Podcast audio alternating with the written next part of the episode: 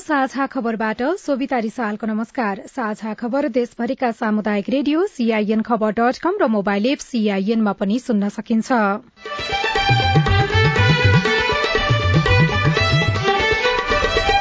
स्वतन्त्र उम्मेद्वारलाई निर्वाचन चिन्ह प्रदान आचार संहिता उल्लंघन नगर्न स्थानीय तहका जनप्रतिनिधिलाई आयोगले सचेत गरायो। भोलिदेखि प्रत्यक्षतर्फको मतपत्र छपाईको काम शुरू हुने। भोलिदेखि हाम्रो मतपत्र छपाईको प्रक्रिया सुरु हुन्छ उहाँहरूले चाहिँ कुन उम्मेद्वारलाई के निर्वाचन चिन्ह दिनुहुन्छ त्यो विवरण प्राप्त गरेपछि हामीले यहाँ मतपत्र डिजाइन गरेर छपाईको प्रक्रिया प्रारम्भ हुन्छ ठाउँ ठाउँमा सत्ता र प्रतिपक्षी गठबन्धनको बागी उम्मेद्वार कायमै अन्य समूहलाई सघाउँदै एमालेका चार उम्मेद्वारको उम्मेद्वारी भने फिर्ता बागी उम्मेद्वारलाई पाँच वर्षको लागि निष्कासन गर्ने कांग्रेसको निर्णय नेपाली कांग्रेस र गठबन्धनको उम्मेद्वारको विरूद्धमा बागी उम्मेद्वारी दिएको माथि पार्टीको कारवाही बाराको पर्सौनीमा एकै परिवारका तीनजनाको सब फेला। झापामा औद्योगिक पार्कको नाममा जग्गा बन्दकीमा नागरिक अलमल। अहिले त अलपत्रै परेछ किनभने हाम्रो भनेको त अब हाम्रो बिकनेस छैन आइसुरो छैन केही पनि छैन। हामीलाई केही आपद विपद भयो भने दुख बिमार भयो भने केही पैसा लिन लोन दियो भने हामीले यही जग्गा राख्नु पर्ने अब पर्ने। र राष्ट्रिय खेलकुद प्रतियोगिता उद्घाटनको तयारी तीव्र खेलाड़ीहरू उत्साहित। महिला क्रिकेटमा पुलिस र लुम्बिनी प्रदेश विजयी।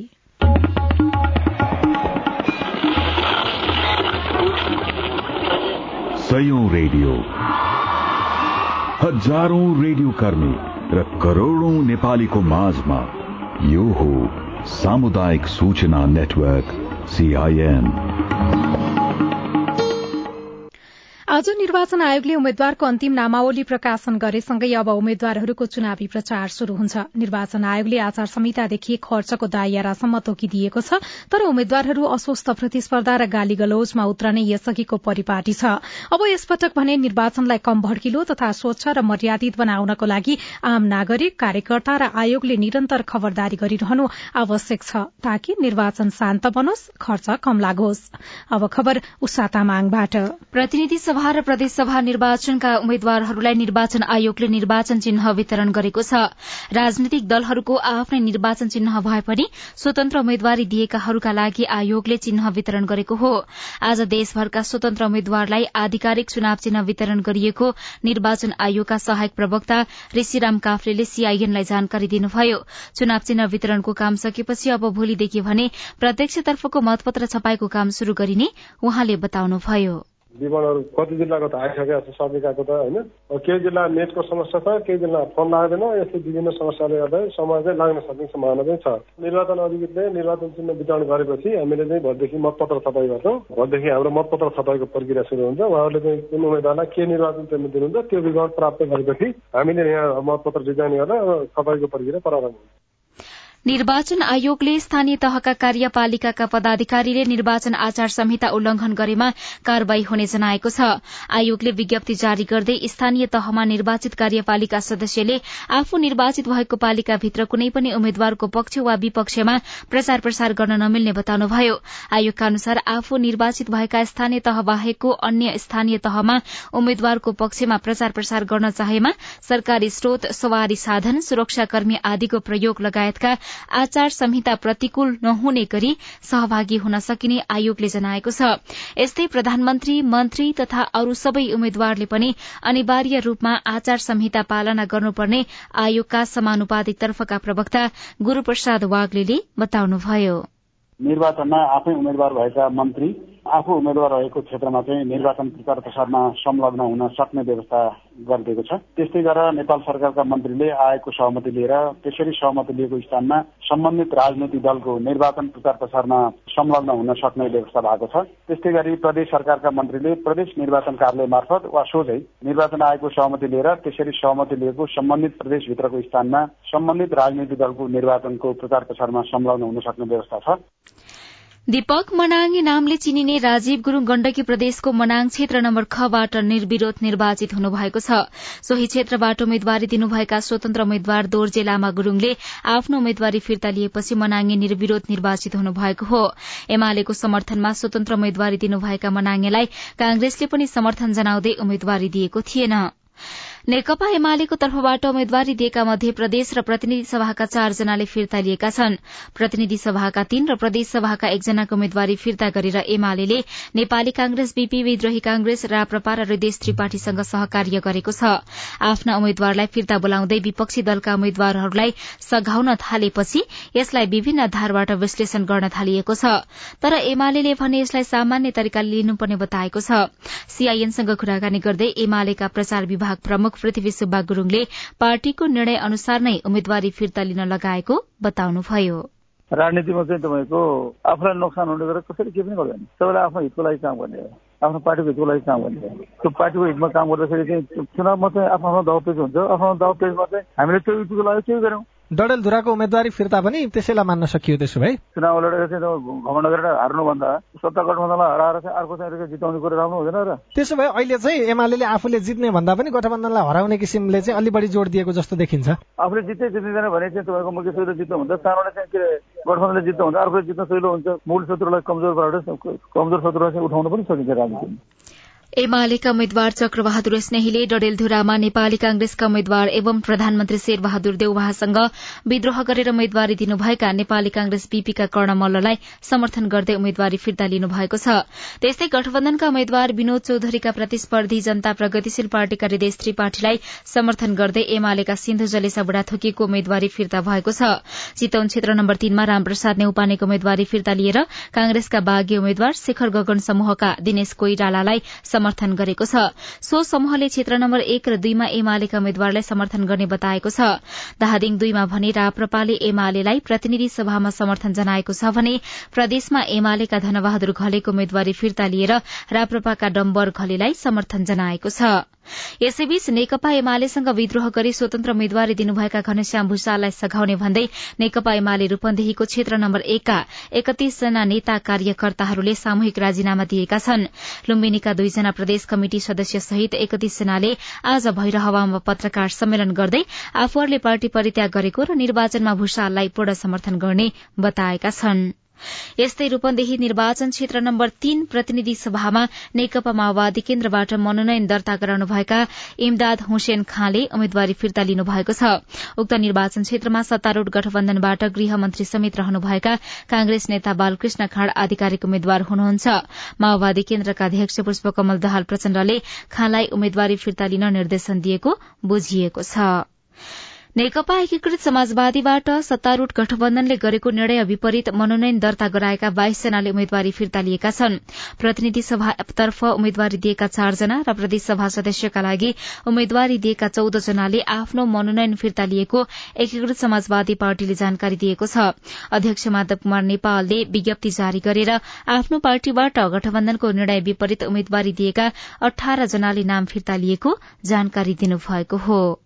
नेपाली कांग्रेसले प्रतिनिधि सभा र प्रदेशसभा निर्वाचनमा गठबन्धन विरूद्ध बागी उम्मेद्वारी दिएका तथा उनीहरूका प्रस्तावक र समर्थकलाई पार्टीबाट निष्कासन गरेको छ। सत्तारूढ़ गठबन्धनको आधिकारिक उम्मेद्वार विरूद्ध बागी उम्मेद्वार बन्ने नेता तीनका प्रस्तावक र समर्थकलाई पाँच वर्षका लागि निष्कासन गरिएको कांग्रेसका सहमहामन्त्री फर्मुल्लाह मनसूरले जानकारी दिनुभयो। यसअघि सत्ता गठबन्धनका शीर्ष नेताहरूले गठबन्धनका आधिकारिक उम्मेद्वारका विरूद्धमा दर्ता गरेका सबै उम्मेद्वारी फिर्ता लिन निर्देशन दिएका थिए।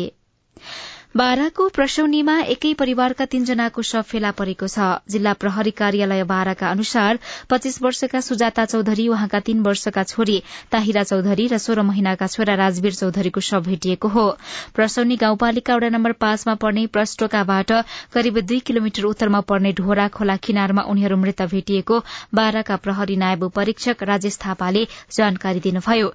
यसैबीच श्रीमती र छोराछोरीको हत्या गरेको अभियोगमा दिपेन्द्र चौधरीलाई पक्राउ गरिएको छ। घटनाबारे थप अनुसन्धान भइरहेको बारा प्रहरीले जनाएको छ। साझा खबरमा अब खेल खबर।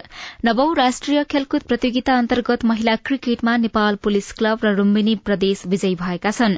पोखरामा भएको खेलमा पुलिस क्लबले प्रदेश नम्बर एकलाई एक सय अठार रनले हराएको हो। एक सय उनासाठी रनको लक्ष्य पाएको प्रदेश नम्बर एकले बीस ओभरमा आठ विकेट गुमाएर चालिस रन मात्र बनाउन सकेपछि पुलिसको फराकिलो जीत सम्भव भएको हो। पहिले ब्याटिङ गरेको पुलिस क्लबले बीस ओभरमा तीन विकेट गुमाएर एक सय अन्ठाउन्न रन बनाएको थियो।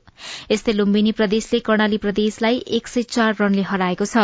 एक सय अठाइस रनको लक्ष्य पछ्याएको कर्णालीलाई नवौं ओभरमा तेइस रनमै अल आउट गर्दै लुम्बिनीले पहिलो जीत हात पारेको हो। पहिले ब्याटिङ गरेको लुम्बिनीले बीस ओभरमा छ विकेट गुमाएर एक सय सत्ताइस रन बनाएको थियो। र अस्ट्रेलियासँगको दोस्रो टी ट्वेन्टी क्रिकेटमा इंग्ल्याण्ड आठ रनले विजयी भएको छ। एक सय उनासी रनको लक्ष्य पाएको अस्ट्रेलियाले बीस ओभरमा छ विकेट गुमाएर एक सय सत्तरी रन मात्र बनाउन सकेपछि इंग्ल्याण्डले रोमाञ्चक जीत हात पारेको हो।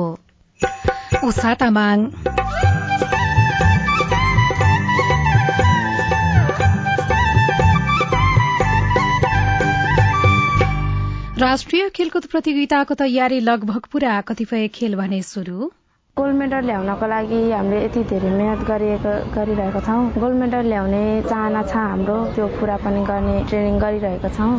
गोल्ड मेडल जित्ने खेलाड़ीको लक्ष्य रिपोर्ट। झापा मक्का नागरिक घोषणा अनुसारको विकास पर्खँदै लगायतका सामग्री बाँकी नै छन्। सीआईएनको साझा खबर सुन्दै गर्नुहोला।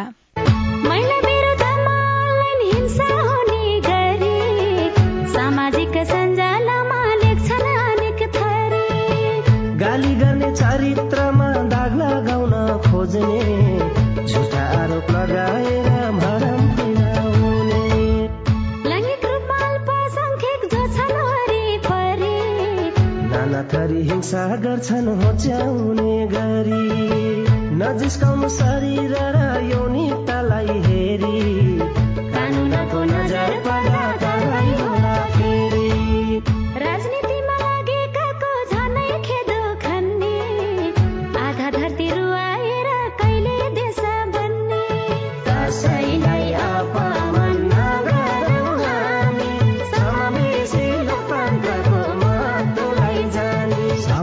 सञ्जाल लगायत अनलाइनमा हुने मिथ्या समाचार दुष्प्रचार र घृणा जन्य अभिव्यक्ति कानूनी रूपमा दण्डनीय छ।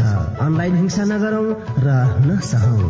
युएसएआईडी र एनडिआई नेपालको आर्थिक तथा प्राविधिक सहयोगमा पर्पल फाउन्डेसनको चेतनामूलक सन्देश। सामाजिक रूपान्तरणका लागि यो हो सामुदायिक सूचना नेटवर्क सीआईएन तपाई सामुदायिक सूचना नेटवर्क सीआईएनले तयार पारेको साझा खबर सुन्दै हुनुहुन्छ। निर्वाचन आयोगले भर्खरै प्रतिनिधि सभा तथा प्रदेशसभा निर्वाचनमा भाग लिने उम्मेद्वारको अन्तिम नामावली प्रकाशन गरेको छ। आयोगका अनुसार प्रतिनिधि सभातर्फ दुई हजार आयोगका अनुसार प्रतिनिधि सभातर्फ दुई सय पच्चीस महिला सहित दुई हजार चार सय बाह्र जना उम्मेद्वार चुनावी मैदानमा छन्। यसअघि मनोनयन दर्ता गराएका उम्मेद्वारलाई आज दिउँसो एक बजेसम्म नाम फिर्ता लिने समय दिइएकोमा प्रतिनिधि सभा निर्वाचनका लागि नाम दर्ता गराएका एकसठी उम्मेद्वारले आफ्नो उम्मेद्वारी फिर्ता लिएका छन्। त्यस्तै प्रदेशसभा निर्वाचनका लागि उम्मेद्वारी दिएका एक सय एकसठी जनाले नाम फिर्ता लिएपछि तीन हजार दुई सय चौविस जना उम्मेद्वार कायम भएका छन्। जसमध्ये दुई सय अस्सी जना महिला र एकजना लैंगिक अल्पसंख्यक उम्मेद्वार रहेको आयोगले जनाएको छ। यस्तै आयोगले नेकपा माओवादी केन्द्रका अध्यक्ष पुष्पकमल दाहाल प्रचण्डलाई स्पष्टीकरण सोधेको छ। गोर्खा क्षेत्र नम्बर दुईमा प्रतिनिधि सभा सदस्यको मनोनयन दर्ताका क्रममा पञ्चे बाजा प्रयोग गरेको भन्दै आयोगले उहाँलाई आज स्पष्टीकरण सोधेको हो। आयोगले यसपालिको निर्वाचनमा उम्मेद्वारलाई सोधेको यो नै पहिलो स्पष्टीकरण हो। मनोनयन दर्ताका क्रममा बाजागाजा प्रयोग गरेको श्रव्य दृश्य सामग्री सार्वजनिक भएको सम्बन्धमा आयोगको ध्यानकर्षण भएर स्पष्टीकरण सोधिएको आयोगले जनाएको छ। प्रचण्डलाई स्पष्टीकरण पत्र प्राप्त भएको सात दिनभित्र जवाफ पेश गर्न पनि आयोगले भनेको छ। नवौं राष्ट्रिय खेलकुद प्रतियोगिताको तयारी लगभग पूरा भएको छ। असोज अठाइस गते अर्थात पर्सि औपचारिक उद्घाटन हुने प्रतियोगिताका केही खेल भने यसअघि नै शुरू भइसकेका छन्। प्रतियोगिताका दुई खेल हुने नवलपुर पनि प्रतियोगिता सञ्चालन गर्न तम तयार भएको छ। नवौं राष्ट्रिय खेलकुद प्रतियोगिता अन्तर्गत नवलपुरमा सेपाक ताक्रो र कुस्ती खेलमा प्रतिस्पर्धा हुँदैछ। प्रतियोगिताका लागि लगभग सबै खेलाड़ी नवलपुर आइपुगेका छन्। सेपाक ताक्रो नवलपुरको कावासोतीमा रहेको युङ स्टार कवर्ड हलमा हुनेछ भने कुस्ती खेल डण्डाको थारू संग्रहालयमा हुनेछ। प्रतियोगिता अन्तर्गत सेपाक ताक्रोमा चौरासी र कुस्तीमा एक सय पैंतिस गरी जम्मा दुई सय उन्नाइस खेलाड़ीले प्रतिस्पर्धा गर्दैछन्। प्रतियोगिताको आयोजना जिल्लाको प्रतिष्ठा संघ पनि जोडिएकाले प्रतियोगिता सफल बनाउन कुनै कसर बाँकी नराखिएको स्थानीय आयोजकको दावी छ। जिल्ला खेलकुद समिति नवलपुरका अध्यक्ष शेतमान पुन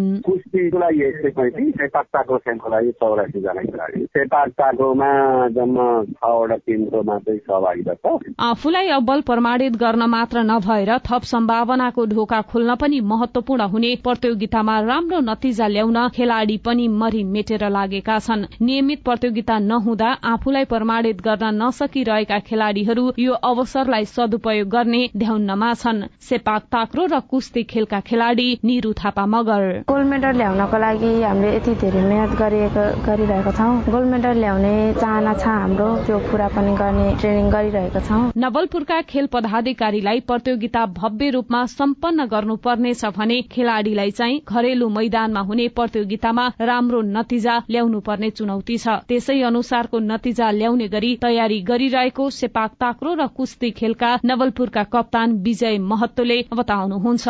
आफ्नो प्रदेश आफ्नो जिल्लालाई चाहिँ हामीले आफूबाट हुन सक्ने एउटा जुन आशा गर्नुभएको छ अपेक्षा गर्नुभएको छ हाम्रो यो खेलकुद विकास समिति लगायत हाम्रो गण्डकी प्रदेशले चाहिँ हामीले आफूले सक्दो फर्स्ट पर्फर्मेन्स भनेकै गोल्ड मेडल हो। त्यसलाई नै लिएर हामी चाहिँ एकदम हाम्रो लक्ष्य पूरा गर्नको लागि चाहिँ दिन रातै हामी ट्रेनिङ गरिरहेका छौँ। घरेलु खेलकुदको सबैभन्दा ठूलो प्रतियोगितालाई सफल बनाउन सके नवलपुर खेलकुदका अन्य प्रतियोगिता आयोजना गर्न पनि सक्षम भएको सन्देश जानेछ।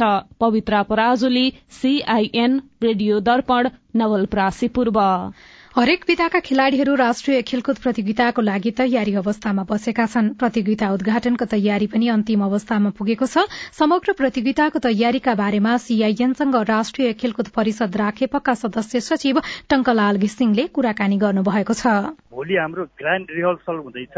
यस हिसाबले पनि हाम्रो तयारीको हिसाबले भोलि हो उद्घाटन। पर्सिको भव्य उद्घाटन समारोहका लागि हामीले कति तयारी भयौँ भन्ने समेत त्यो सबै कुराहरूलाई एउटा प्रदर्शनै गरेर गराउने गरी सम्पूर्ण तयारीहरू भएको बेहोरा यहाँलाई जानकारी गराउँछ। अब यो प्रतियोगिता चाहिँ एउटा पालिकामा मात्रै नभएर समग्र गण्डकीका विभिन्न स्थानीय तहहरूमा भइराखेका छन् र हुने तयारीमा पनि कतिपय स्थानीय तहहरूमा छन् खेल बाँकी नै छन्। त्यो खेलका लागि चाहिँ प्रदेश सरकार अनि खेल हुने सम्बन्धित स्थानीय तहसँगको त्यो समन्वय चाहिँ कसरी गरिराखिएको छ? पहिलो त यसको समग्र खेल सञ्चालनको लागि चौधवटा उपसमिति मार्फत विषयगत कामका लागि चाहिँ जिम्मेवारी दिएर परिचालन गरिराखेका छौँ। जहाँसम्म तपाईँले विभिन्न जिल्लाका खेल स्थलहरूको निमित्त भनौँ भन्दाखेरि त्यहाँको स्थानीय तह स्थानीय सरकार त्यहाँको स्थानीय खेलकुद सङ्घहरू र राष्ट्रिय खेलकुद परिषदबाट गठित विभिन्न समितिहरू खास गरिकन खेल स्थल व्यवस्थापन समिति लगायत त्यसपछि राष्ट्रिय सङ्घहरू जुन स्थलमा जुन खेल खेलाइन्छ त्यो खेलसँग जोडिएको राष्ट्रिय सङ्घ यी सबै सामूहिक सहकार्यमा र समन्वयमा त्यहाँ खेल खेलाउनका लागि सम्पूर्ण हिसाबले आवश्यक गर्नुपर्ने तयारीका कामहरू पनि सम्पन्न भएको छ। यो प्रतियोगितामा तीन सय त्रियानब्बे स्वर्ण छन् क्यारे होइन? त्यही संख्यामा रजत अनि त्यही संख्यामा काष्ट्रिय पदकका लागि प्रतिस्पर्धा हुँदैछ। भइरहेको छ अहिले। एघार टोली त्यसमा सहभागी छन्। खेलाडी चाहिँ अहिलेसम्म कति दर्ता भएका छन् त्यो खेलका लागि? ओभरअल मेडलका हिसाबले हामी तेह्र सय छ्यासीवटा मेडलमा प्रतिस्पर्धा गराउँदैछौँ।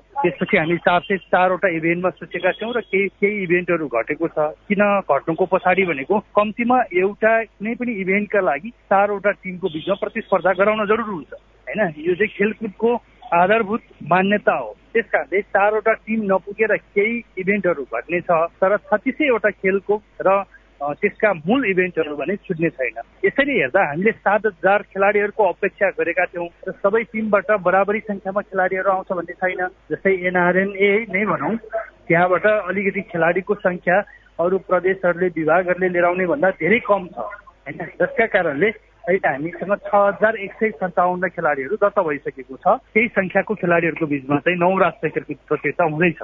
साझा खबरमा अब हेलो सिआइएन स्नेहा कर्णबाट। मेरो नाम लक्ष्मी तामाङ बेलकोटगढी नगरपालिका नौ। मेरो जिज्ञासा असार मसान्तमा बाढीले क्षतिपूर्ति भएको नगरमा निवेदन दिएको थियो। केही क्षतिपूर्ति पाउँछ कि पाउँदैन। तपाईँको जिज्ञासा मेटाउँदै हुनुहुन्छ बेलकोट गढी नगरपालिकाका प्रशासन योजना तथा अनुगमन शाखाका प्रमुख शिवराम अधिकारी। बाढीले क्षति पुर्यायो भनेर धेरै निवेदनहरू सङ्कलन भइरहेको थियो होइन? कतिपय फेक होला कति के होला त्यो सबैलाई चाहिँ दिन सकिने कुरा हुँदैन थियो। अब कतिपयलाई चाहिँ अब अध्ययन गरेर दिने भन्ने कुरा भइरहेछ। कहिलेसम्म अध्ययन गरेर रकम निकासा गर्नुहुन्छ? अब त्यो एक महिनाभित्रमा भइहाल्छ होला। मेरो नाम सङ्गीता दमाई। मेरो घर तिला गुफा नगरपालिका वडा नम्बर तिन कालीकोट। म कक्षा बाह्रको स्टुडेन्ट हो।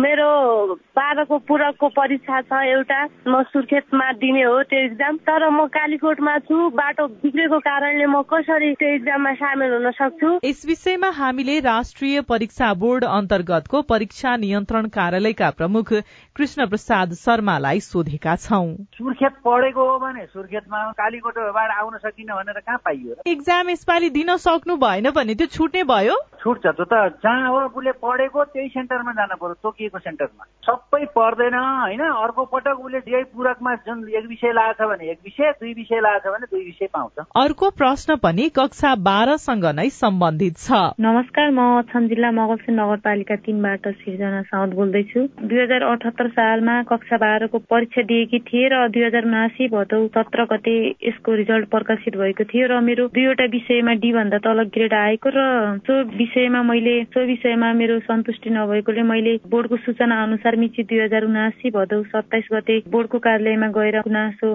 पुनर्योगको लागि निवेदन पेश गरेकी थिए र यो विषयमा राष्ट्रिय परीक्षा बोर्डले अहिलेसम्म कुनै पनि चासो नदिएकोले ध्यान आकर्षण गर्दछु। तपाईँको प्रश्न सुनिसकेपछि परीक्षा नियन्त्रण कार्यालयका प्रमुख शर्माको जवाब छ। भदौ अठारदेखि चौबिससम्म जो जसले निवेदन हाले उनको रिजल्ट हामीले सात गते निकाल्यौँ। उहाँले रिजल्ट हेर्नु भएको छैन। त्यसपछि निवेदन परेका वेबसाइटमा हेऱ्यो भने भोलि आज हामी रिजल्ट निकाल्दिन्छौँ तपाईँ जुनसुकै बेला हाम्रो टेलिफोन नम्बर शून्य एक बान्न साठी छ चार छमा फोन गरेर आफ्नो विचार गुनासो प्रश्न तथा प्रतिक्रिया रेकर्ड गर्न सक्नुहुनेछ। तपाई सामुदायिक सूचना नेटवर्क सीआईएनले काठमाण्डुमा तयार पारेको साझा खबर सुन्दै हुनुहुन्छ। साझा खबर मोबाइल एप नेपाली पात्रबाट पनि सुनिरहनु भएको छ। झापा दमकका नागरिक घोषणा अनुसारको विकास पर्खँदै। त्यहाँदेखि अब उठाउँदा त हामी कहाँ जाने? जाने ठाउँ छैन। अब त्यो पारी बनाऊ भनेको अब त्यो रिङ रोदिङ पारी चाहिँ अब औधिकले लाने अरे। अनि अब घर बनाऊ नबनाऊ भन्ने छ यहाँ चिन्ता। औद्योगिक पार्क पनि बनेन जग्गा पनि पाइएन। नागरिकको गुनासो एमाले अध्यक्ष एवं पूर्व प्रधानमन्त्री केपी शर्मा ओलीको निर्वाचन क्षेत्र र मतदाताको अपेक्षा बाँकी नै छ। सीआईएनको साझा खबर सुन्दै गर्नुहोला। नेपाल टेलिकमको सूचनाको संसार। होइन के सुनेको यस्तो ध्यान दिएर दोहोरो बोलेको जस्तो नि देख्दिन। तीन दुई एक शून्य शून्य क्या? तीन दुई एक शून्य शून्य? के हो त्यो भने? बुझिन त। ल सुन एनटिसी प्रयोगकर्ताहरूले आफ्नो मोबाइल तथा ल्यान्डलाइनमा तीन दुई एक शून्य शून्य डायल गरी समाचार रेडियो कार्यक्रम खेल र अन्य विषयबारे सन्देशहरू जुनसुकै बेला निशुल्क सुन्न सक्छन्। ओहो निशुल्क? कस्तो सजिलो। समाचार सुन्न छुट्यो भनेर पिर लागेको थियो। अब त म पनि सुनिहाल्छु। कति रे? तीन दुई एक शून्य शून्य। सामाजिक रूपान्तरणका लागि यो हो सामुदायिक सूचना नेटवर्क सीआईएन तपाई सामुदायिक सूचना नेटवर्क सीआईएनले काठमाण्डुमा तयार पारेको साझा खबर सुन्दै हुनुहुन्छ। पूर्व प्रधानमन्त्री एवं एमाले अध्यक्ष केपी शर्मा ओलीको निर्वाचन क्षेत्र झापा दमकका नागरिक पटक पटक गरिएका घोषणा अनुसारको विकास पर्खिरहेका छन्। तर वर्षौं बित्यो औद्योगिक पार्कको नाममा जग्गा बन्दकीमा परेको छ अनि कल कारखाना खुल्ने र रोजगारी पाउने आशा यसै मरेको छ।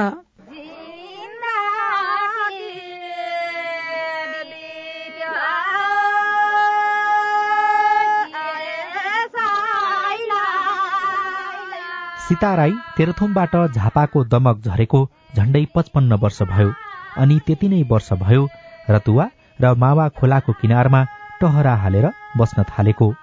अहिले पनि घरहरू फेरिएका छैनन्।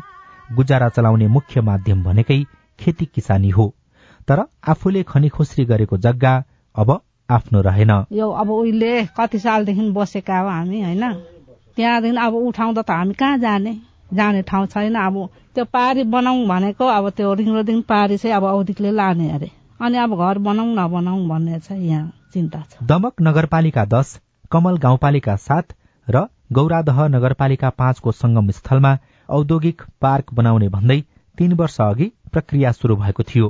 तर पार्कका लागि अधिग्रहण गरिएको बाइस सय बिघा जमीन मध्ये तीन सय बिघामा मुआब्जा विवाद सुल्झिएको छैन जसका कारण स्थानीय न अन्यत्र जान सकेका छन् न त बसेको ठाउँलाई व्यवस्थित बनाउन सकेका छन्। दमक दश बाह्र गरेका कमला राई। अहिले त अलपत्रै परेछ किनभने हाम्रो भनेको त अब हाम्रो बिकनेस छैन आइसुरो छैन के पनि छैन। हामीलाई केही आपत विपद भयो भने दुख बिमार भयो भने हामीलाई केही धितो सितो राख्नु पर्यो भने केही पैसा लिनु लोन दियो भने हामीले यही जग्गा राख्नु पर्ने अब पर्ने हुन्छ हाम्रो त होइन। धेरै हाम्रो केही छैन ब्याक साइडमा त। त्यही कारणले हामीलाई धेरै अप्ठ्यारो नै परिरहेछ। संखुवा सभाबाट छपन्न वर्ष अघि बसाई आएका इन्द्रबहादुर राईको अवस्था पनि उस्तै छ। तेइस सालमा म सानो हुँदाखेरि आएको यो जङ्गल फाँडेर बसेको बाउको पालोदेखिको अनि हाम्रो आंश बन्द भएर यहाँ बसेको हुँ। अब अहिले यस्तो कुरा सुनिँदैछ। पहाडमा पनि छैन यही हो हाम्रो। आफैले फाँडेर बसेको जग्गा अब आफ्नै भएन। भएन खै त्यस्तै सुनिँदैछ। के गर्ने त? कहाँ जाने त अब? किसाने मान्छे खेती गरी खाने मान्छे कि सट्टा भरना दिनु पर्यो सरकारले कि त हामीले किनी खाने मजत पाउनु पर्यो। औद्योगिक पार्क बनाउने भनेर नेताले पटक पटक भाषण गरे। नभन्दै बजेट विनियोजन भयो र काम पनि अघि बढ्यो। तर सरकारले जग्गा अधिग्रहणका लागि छुट्याएको बजेट पर्याप्त थिएन। जग्गा रोक्का गरेको लामो समय बिते पनि काम नभएपछि स्थानीयले नेताको कुरा पत्याउनै छोडेका छन्। जान्नु भित्रको मन न राजनीतिक मात्रै खेलेको हो कि न साँच्चै इमान्दारी काम गर्ने हो कि त्यो जान्नु सकिँदैन रहेछ। नेताहरूको नि। अब भोट माग्दा त धेरै विश्वास दिलाउँछ नि। अहिले नै ल दिला जस्तै कुरो चाहिँ गर्छन् तर उहाँ गइसकेपछि नगर्ने रहेछ। मलाई यही चाहिँ साह्रै पीडा लागिरहेछ। जुनै नेताहरू जान्छन् जिताएर पठायो चार पाँच दिन उनीहरूलाई भोट मागिसकायो अनि माथि गइसकेपछि नचिन्ने पनि हुन्छ। त्यस्तो हुँदा चाहिँ मलाई साह्रो दुःख लाग्छ। चीनको त्रिसठी अर्ब सहयोगमा बन्ने भनिएको औद्योगिक पार्क तत्काल बन्ने अवस्था देखिँदैन। यस्तोमा स्थानीय सरकार जनताको समस्याबारे जानकार भएर पनि निरीह छ। दमक नगरपालिकाका प्रमुख राम थापा। यस समयदेखि यस समयसम्ममा यस्तो प्रकारको पार्क बन्छ भन्ने निश्चित गरेर जे गर्नुपर्ने समयमा गरिदिएर जनतालाई दुःख दिनु भएन। जनप्रतिनिधिको नाताले मैले सम्बन्धित निकायमा गएर त्यो कुरा राखेँ। उहाँहरू ठ्याक्कै यस समयदेखि सुरु भएर यस समयमा समाप्त हुने र यी देखिएका विषयको समाधान यो भन्न सक्ने स्थितिमा हुनुहुन्न। र मलाई लाग्छ यो अन्यलता चाँडोभन्दा चाँडो हट्नुपर्छ र नगरवासीले विकास गर्नमा दुःख पाउनु भएन भन्ने कुरामा म सचेत छु। देशकै ठूलो औद्योगिक पार्क बनाउने भनेर शिलान्यास भइसक्यो। मुआब्जाका नाममा एक अर्ब नौ करोड़ पचास लाख रूपियाँ पनि बाँडिसकियो। तर जग्गा विवादका कारण सबैले मुआब्जा पाउन सकेका छैनन्। प्रभावित क्षेत्रका नागरिक संघर्ष समिति बनाएर कानूनी उपचार खोज्ने तयारीमा छन्। अध्यक्ष खगेन्द्र प्रसाद भट्टराई। बसोबासै उठाएर विकास गर्दाखेरि त त्यसलाई विकास भनिँदैन। जब त्यहाँ भएका मान्छेहरूलाई व्यवस्थापन सहितको विकास भयो भने त्यो विकास हो। तर यदि होइन भने सरकारले त्यो पाटन होइन कानूनी उपचारमा जान नै बाध्य भयौँ र तयारी भएको छौँ। कानूनी उपचार हुँदै जाला पछि जे होला। औद्योगिक पार्क बन्न ढिलाइ भइरहँदा प्रभावित क्षेत्रका नागरिकले भोगिरहेको समस्याबारे सरकार पनि बेखबर छैन। तर समाधानको उपाय पनि निस्किएको छैन। उद्योग मन्त्रालयका सहसचिव चन्द्रकला पौडेल। कन्टिन्युअस उहाँहरूले जग्गा प्राप्तिको काम गरिरहनु भएको छ। गत आर्थिक वर्षमा पनि हामीले जति रकम विनियोजन गरेको थियौं त्यो सबै रकम औद्योगिक क्षेत्र व्यवस्थापन लिमिटेडलाई पठाइसकेको अवस्था हो र यो वर्ष पनि हाम्रो प्रायोरिटी प्रोजेक्टमा पर्छ त्यहाँको जग्गा प्राप्ति। जग्गा प्राप्ति भइसकेपछि मात्रै कन्स्ट्रक्सनको कामहरू शुरू हुने भएको कारणले गर्दा मलाई लाग्छ यो आर्थिक वर्षभित्रमा हामीले सबै इन्डस्ट्रियल पार्कको नाममा जग्गा ल्याउने प्रक्रिया पूरा भएर त्यसको प्रोजेक्ट पीडीए चाहिँ लगानी बोर्डबाट स्वीकृत गराएर कन्स्ट्रक्सनको फेजमा जान सक्ने अवस्थामा चाहिँ हामी हुन्छौं भन्ने हामीलाई लागिरहेछ। चुनाव नजिकिँदै गर्दा गाउँमा नेताहरूको उपस्थिति बढ्छ अनि उनीहरूले पुराना घोषणाहरू सम्झिने र पूरा गर्ने प्रतिबद्धता पनि दोहोर्याउँछन् तर औद्योगिक पार्क बनाउने योजनाका कारण दुःख पाएका झापाका नागरिक यसपालि विकासको नाममा बन्दकी बसेको आफ्नो जग्गा फिर्ता खोजिरहेका छन्। राजन रुचाल सीआईएन काठमाडौँ। स्वतन्त्र उम्मेद्वारलाई निर्वाचन आयोगले निर्वाचन चिन्ह प्रदान गरेको छ। प्रतिनिधि सभातर्फ दुई सय पच्चीस महिला सहित दुई हजार चार सय बाह्र जना उम्मेद्वार चुनावी मैदानमा प्रतिस्पर्धा गर्न उत्रिएका छन्। भोलिदेखि प्रत्यक्ष तर्फको मतपत्र छपाएको काम शुरू हुने भएको छ। सत्ता गठबन्धन र प्रतिपक्षी गठबन्धनको ठाउँ ठाउँमा बाँकी उम्मेद्वार कायमै रहेको छ। अन्य समूहलाई सघाउँदै नेकपा एमाले चार उम्मेद्वारको उम्मेद्वारी फिर्ता लिएको छ र बाँकी उम्मेद्वारलाई पाँच वर्षको लागि निष्कासन गर्ने कांग्रेसले निर्णय गरेको छ। आजलाई साझा खबरको समय सकियो। प्राविधिक साथी सुनिल राज भारतलाई धन्यवाद। भोलि असोज सत्ताइस गते बिहान छ बजेको साझा खबरमा फेरि भेटौँला। अहिलेलाई सोभिता रिसाल पनि विदा हुन्छु। नमस्कार शुभरात्री।